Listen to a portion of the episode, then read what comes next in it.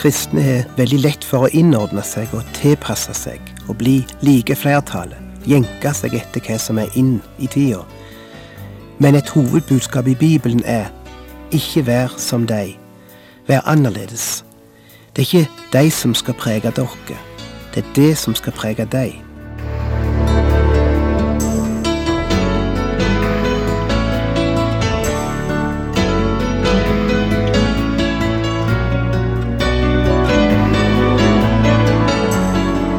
Hjertelig velkommen til et nytt program i serien Vindu mot livet. Vindu mot livet er basert på programserien Insight for Living ved Chuck Svindal.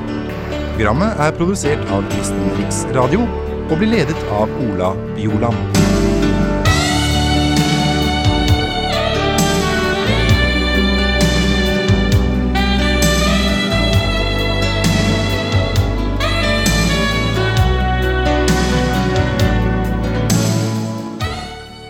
Vi starter en ny serie i dag, ifra Bergpreika. Og vi skal begynne med noen sitat ifra sentrale deler av denne talen av Jesus. La oss like godt begynne i forbegynnelsen, ifra vers 1 i kapittel 5 i Matteusevangeliet. Da Jesus så folkemengden, gikk han opp i fjellet. Der satte han seg, og disiplene samlet seg om ham. Han tok til orde og lærte dem. Og så hopper vi til vers 13. Dere er jordens salt. Men om saltet mister sin kraft, kan det da bli til salt igjen? Det duger ikke lenger til noe, men til å kastes ut og tråkkes ned av menneskene. Dere er verdens lys. En by som ligger på et fjell, kan ikke skjules og vers 16. Slik skal også deres lys skinne for menneskene, så de kan se de gode gjerningene dere gjør, og prise deres Far i himmelen. Og vi fortsetter med å lese ifra kapittel 6, vers 1-2 første. Pass dere for å gjøre gode gjerninger for øynene på folk, for å bli sett av dem. Da får dere ingen lønn hos deres Far i himmelen. Når du gir til de fattige, skal du ikke utbasunere det, slik hyklerne gjør i synagogene og på gatene, for å bli æret av mennesker. Sannelig, jeg sier dere, de har alt fått sin lønn. Vers 5 Når dere ber, skal dere ikke gjøre som hyklerne. De liker å stå i synagogene og på gatehjørnene og be for å vise seg for folk vers 16. Når dere faster, skal dere ikke sette opp en dyster mine, slik som hyklerne. De går med et fordreiet ansikt, for de vil vise folk at de faster. Og til slutt ifra vers 24 i kapittel 7, som er avslutningsordet i bergpreika. Den som hører disse mine ord og gjør etter dem, han blir lik en klok mann som bygde huset sitt på fjell. Regnet skylte ned, elvene flommet og vindene blåste og slo mot huset. Men det falt ikke, for det hadde sin grunnvoll på fjell. Men den som hører disse mine ord og ikke gjør etter dem, han blir lik en uforstandig mann som bygde huset sitt på sand. Regnet skylte ned, elvene flommet, og vindene blåste og slo mot huset. Da falt det, og fallet var stort. Da Jesus var ferdig med å tale, var folket slått av undring over hans lære. Hykleri er vel noe av det mest motbydelige vi kan tenke oss i dag. Hva kreft er for en kropp, er hykleri for en menighet. Det dreper. Dessverre er hykleri òg vanedannende, som en sier om enkelte medisiner. Og det ser ut som det er smittsomt. Det ser ut som det er vanskelig å bli kvitt. For selv om Jesus brukte de sterkeste ord når han fordømte hykleri, ser det ut som mennesket fortsatt foretrekker hykleri framfor sannhet og ekthet. Ordet hykleri på gresk bringer oss tilbake til det greske skuespill. En skuespiller kunne spille forskjellige roller i samme stykke. For å skifte rolle måtte han skifte maske. En stund kunne han bære ei komediemaske framfor ansiktet sitt, når han skulle si morsomme ting og få folk til å le. Så kunne han gå bak scenen og skifte maske til ei tragisk og trist rolle. Og publikum, som for et øyeblikk siden hadde ledd så tårene rann, satt nå og grein så tårene rann. Slik skifta skuespillerne sine roller. Og slike skuespillere ble gjerne kalt en hypokrites, som altså er det ordet som er oversatt her i bergpreika med hykler. Med tida og opp gjennom historien har dette ordet så fått nye farger og er blitt et skjellsord. Det er blitt brukt blant annet om en som lever et liv som ikke er ekte for han, en som driver skuespill. Han lever et liv bak ei maske. For det andre vart det brukt etter hvert om en som skjulte sine egentlige motiv og sitt egentlige jeg, og framstilte seg som bedre enn han var.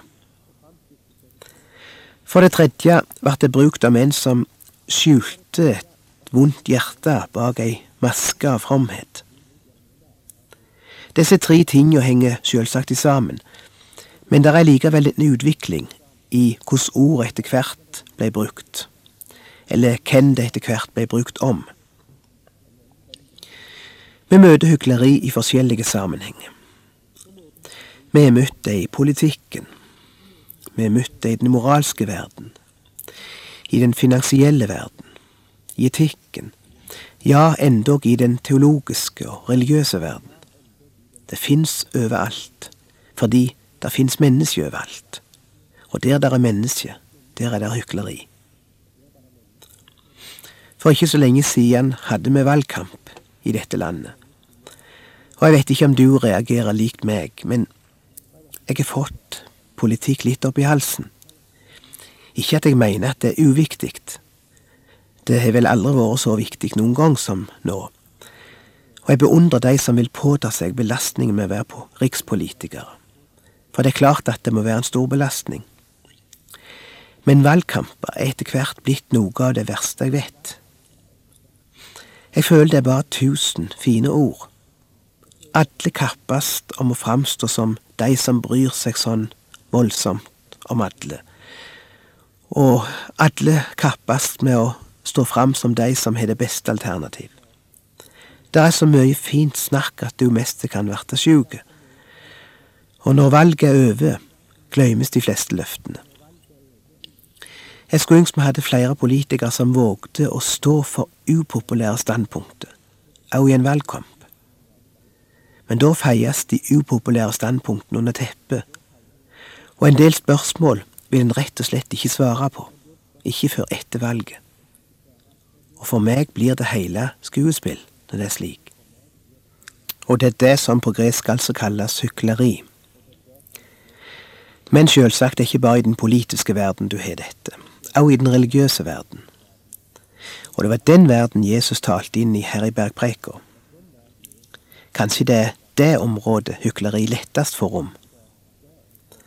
Og vi har sett fryktelig eksempel på i den siste tida, ikke minst i Amerika, der religiøse ledere sto fram som de frommeste og mest edle sjelene av verden, som kun tenkte på andre sitt ve og vel, og de var så tåredryppende omsorgsfulle og kunne sigge på TV-skjermen og gråte på vegne av mennesker som var i nød, og ba om penger for å støtte disse sultne eller spedalske barna en eller annen plass i verden. Og ikke mange uker seinere blir de samme predikantene avslørt som rene svindlere, som har gjort seg rike på andres ulykke, som har brukt mesteparten av pengene til å bygge seg millionvillaer og svære eiendommer, og levd i sus og dus, og samtidig med at de forkynte mot umoral, så det sang i veggene, har de levd et dobbeltliv i utroskap og nytelse. Da begynner du å miste tilliten til mennesket. Ikke rart at folk begynner å lure. Skal han ikke engang kunne stole på konservative kristne i dag? Skal han ikke engang kunne stole på en prest og en predikant? Vel, jeg har ikke noe enkelt svar. De fleste kan en nok stole på. Men hykleri og skuespill kan du finne på de plassene og blant de menneskene du minst venter å finne det. Nå vet jeg jo at konservative kristne er spesielt utsatt for å få hykleristempelet på seg. For de som har absolutte sannheter som de står for, og som de forkynner, de blir ofte stempla som hyklere, uten at det har noe med hykleri å gjøre.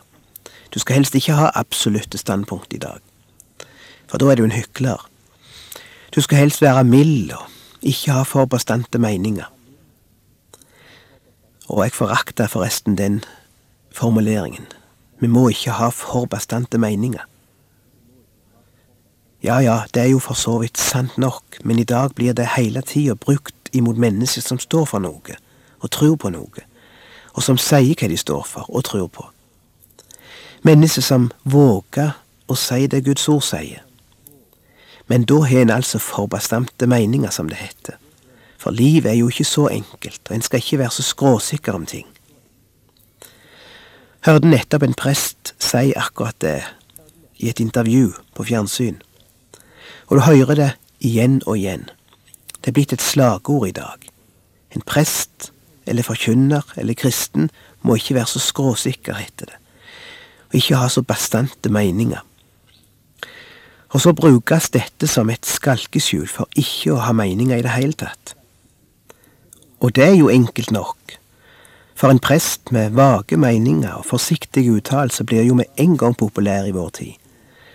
Da har du nestekjærlighet, og da er du forståelsesfull.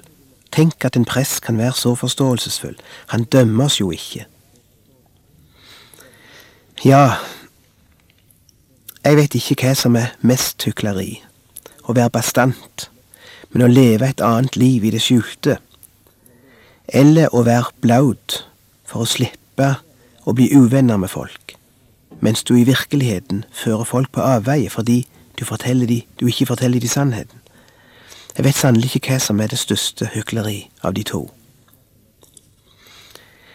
En som heter Ted Koppel, har sagt Vi har brukt 5000 år som menneskerase på å finne fram til sannheter og moralske absolutter. I stedet for sannheter har vi kommet fram til facts. I stedet for moralske absolutter har vi begynt å snakke med tvetydighet. Vi har blitt eksperter i å kommunisere med alle, men sier i virkeligheten absolutt ingenting. Vårt samfunn finner ut at sannheten er en altfor sterk medisin å fordøye, ufortynnet eller uoppblandet.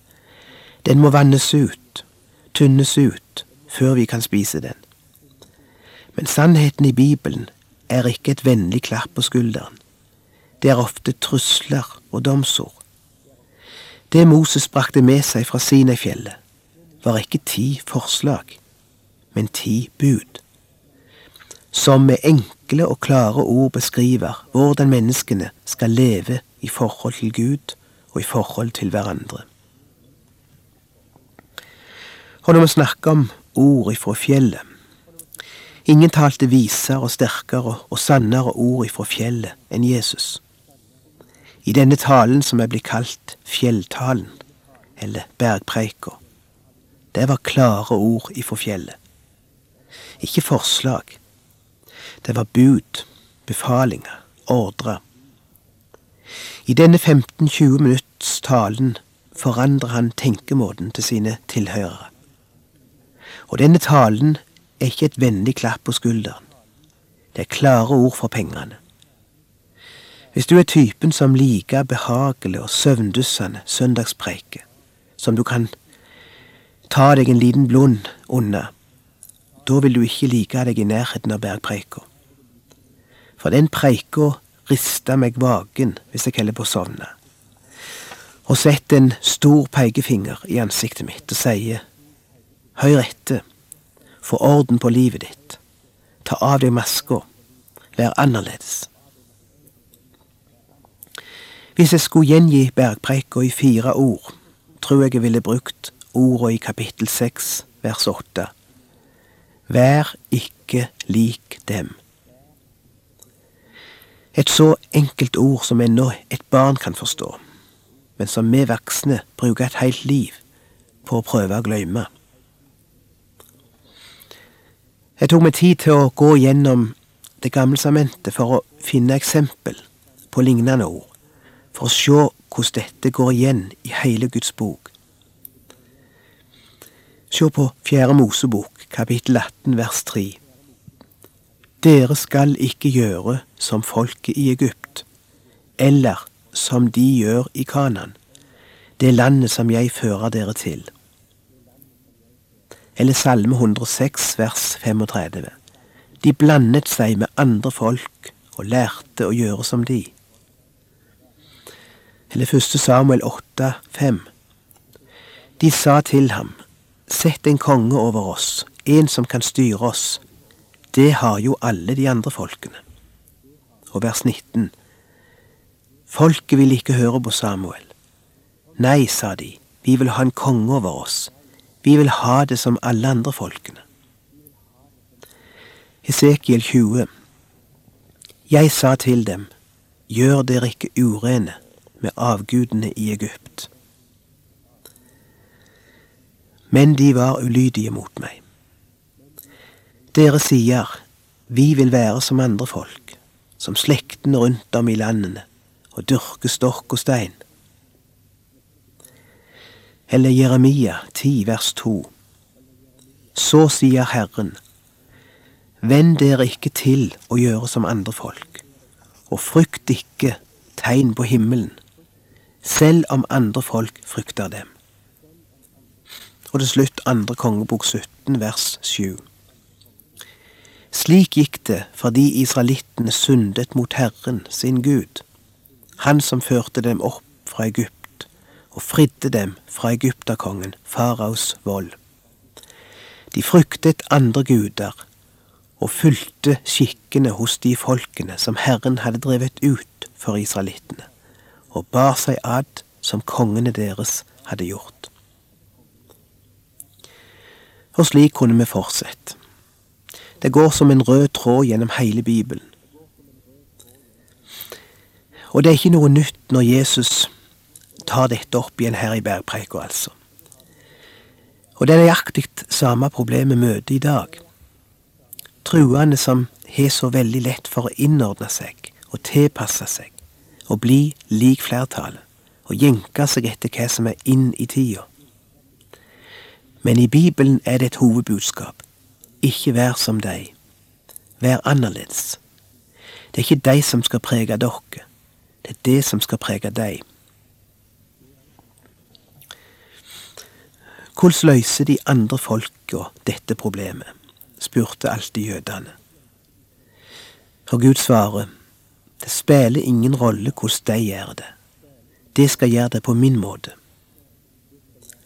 Hvordan løser en problemer i dag? Hvordan svarer en på spørsmål som mennesker har? spør de truende.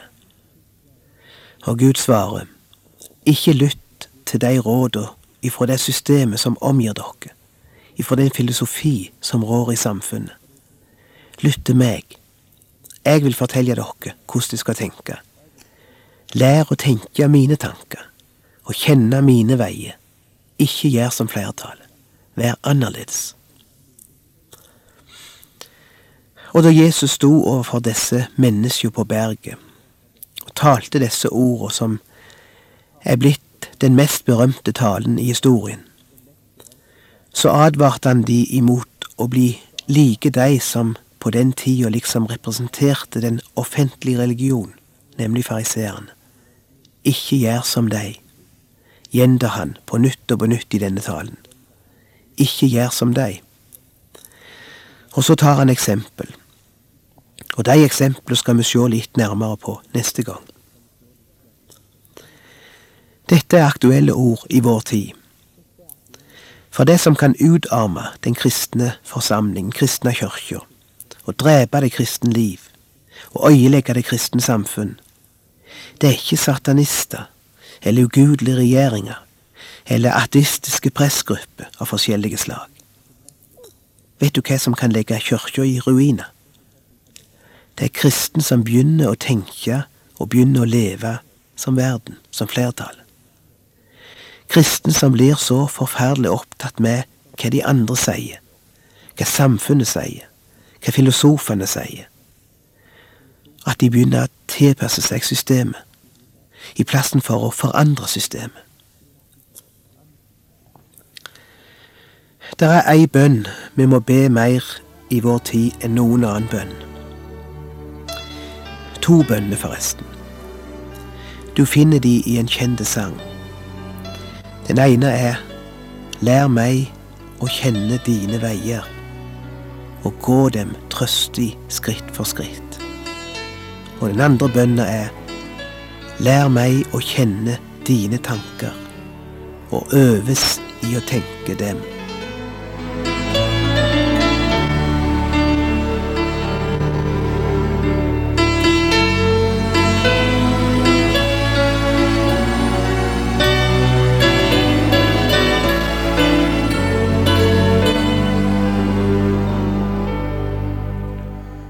Har lytta til Ola Bjoland i serien 'Vindu mot livet' fra Kristen Riksradios arkiv.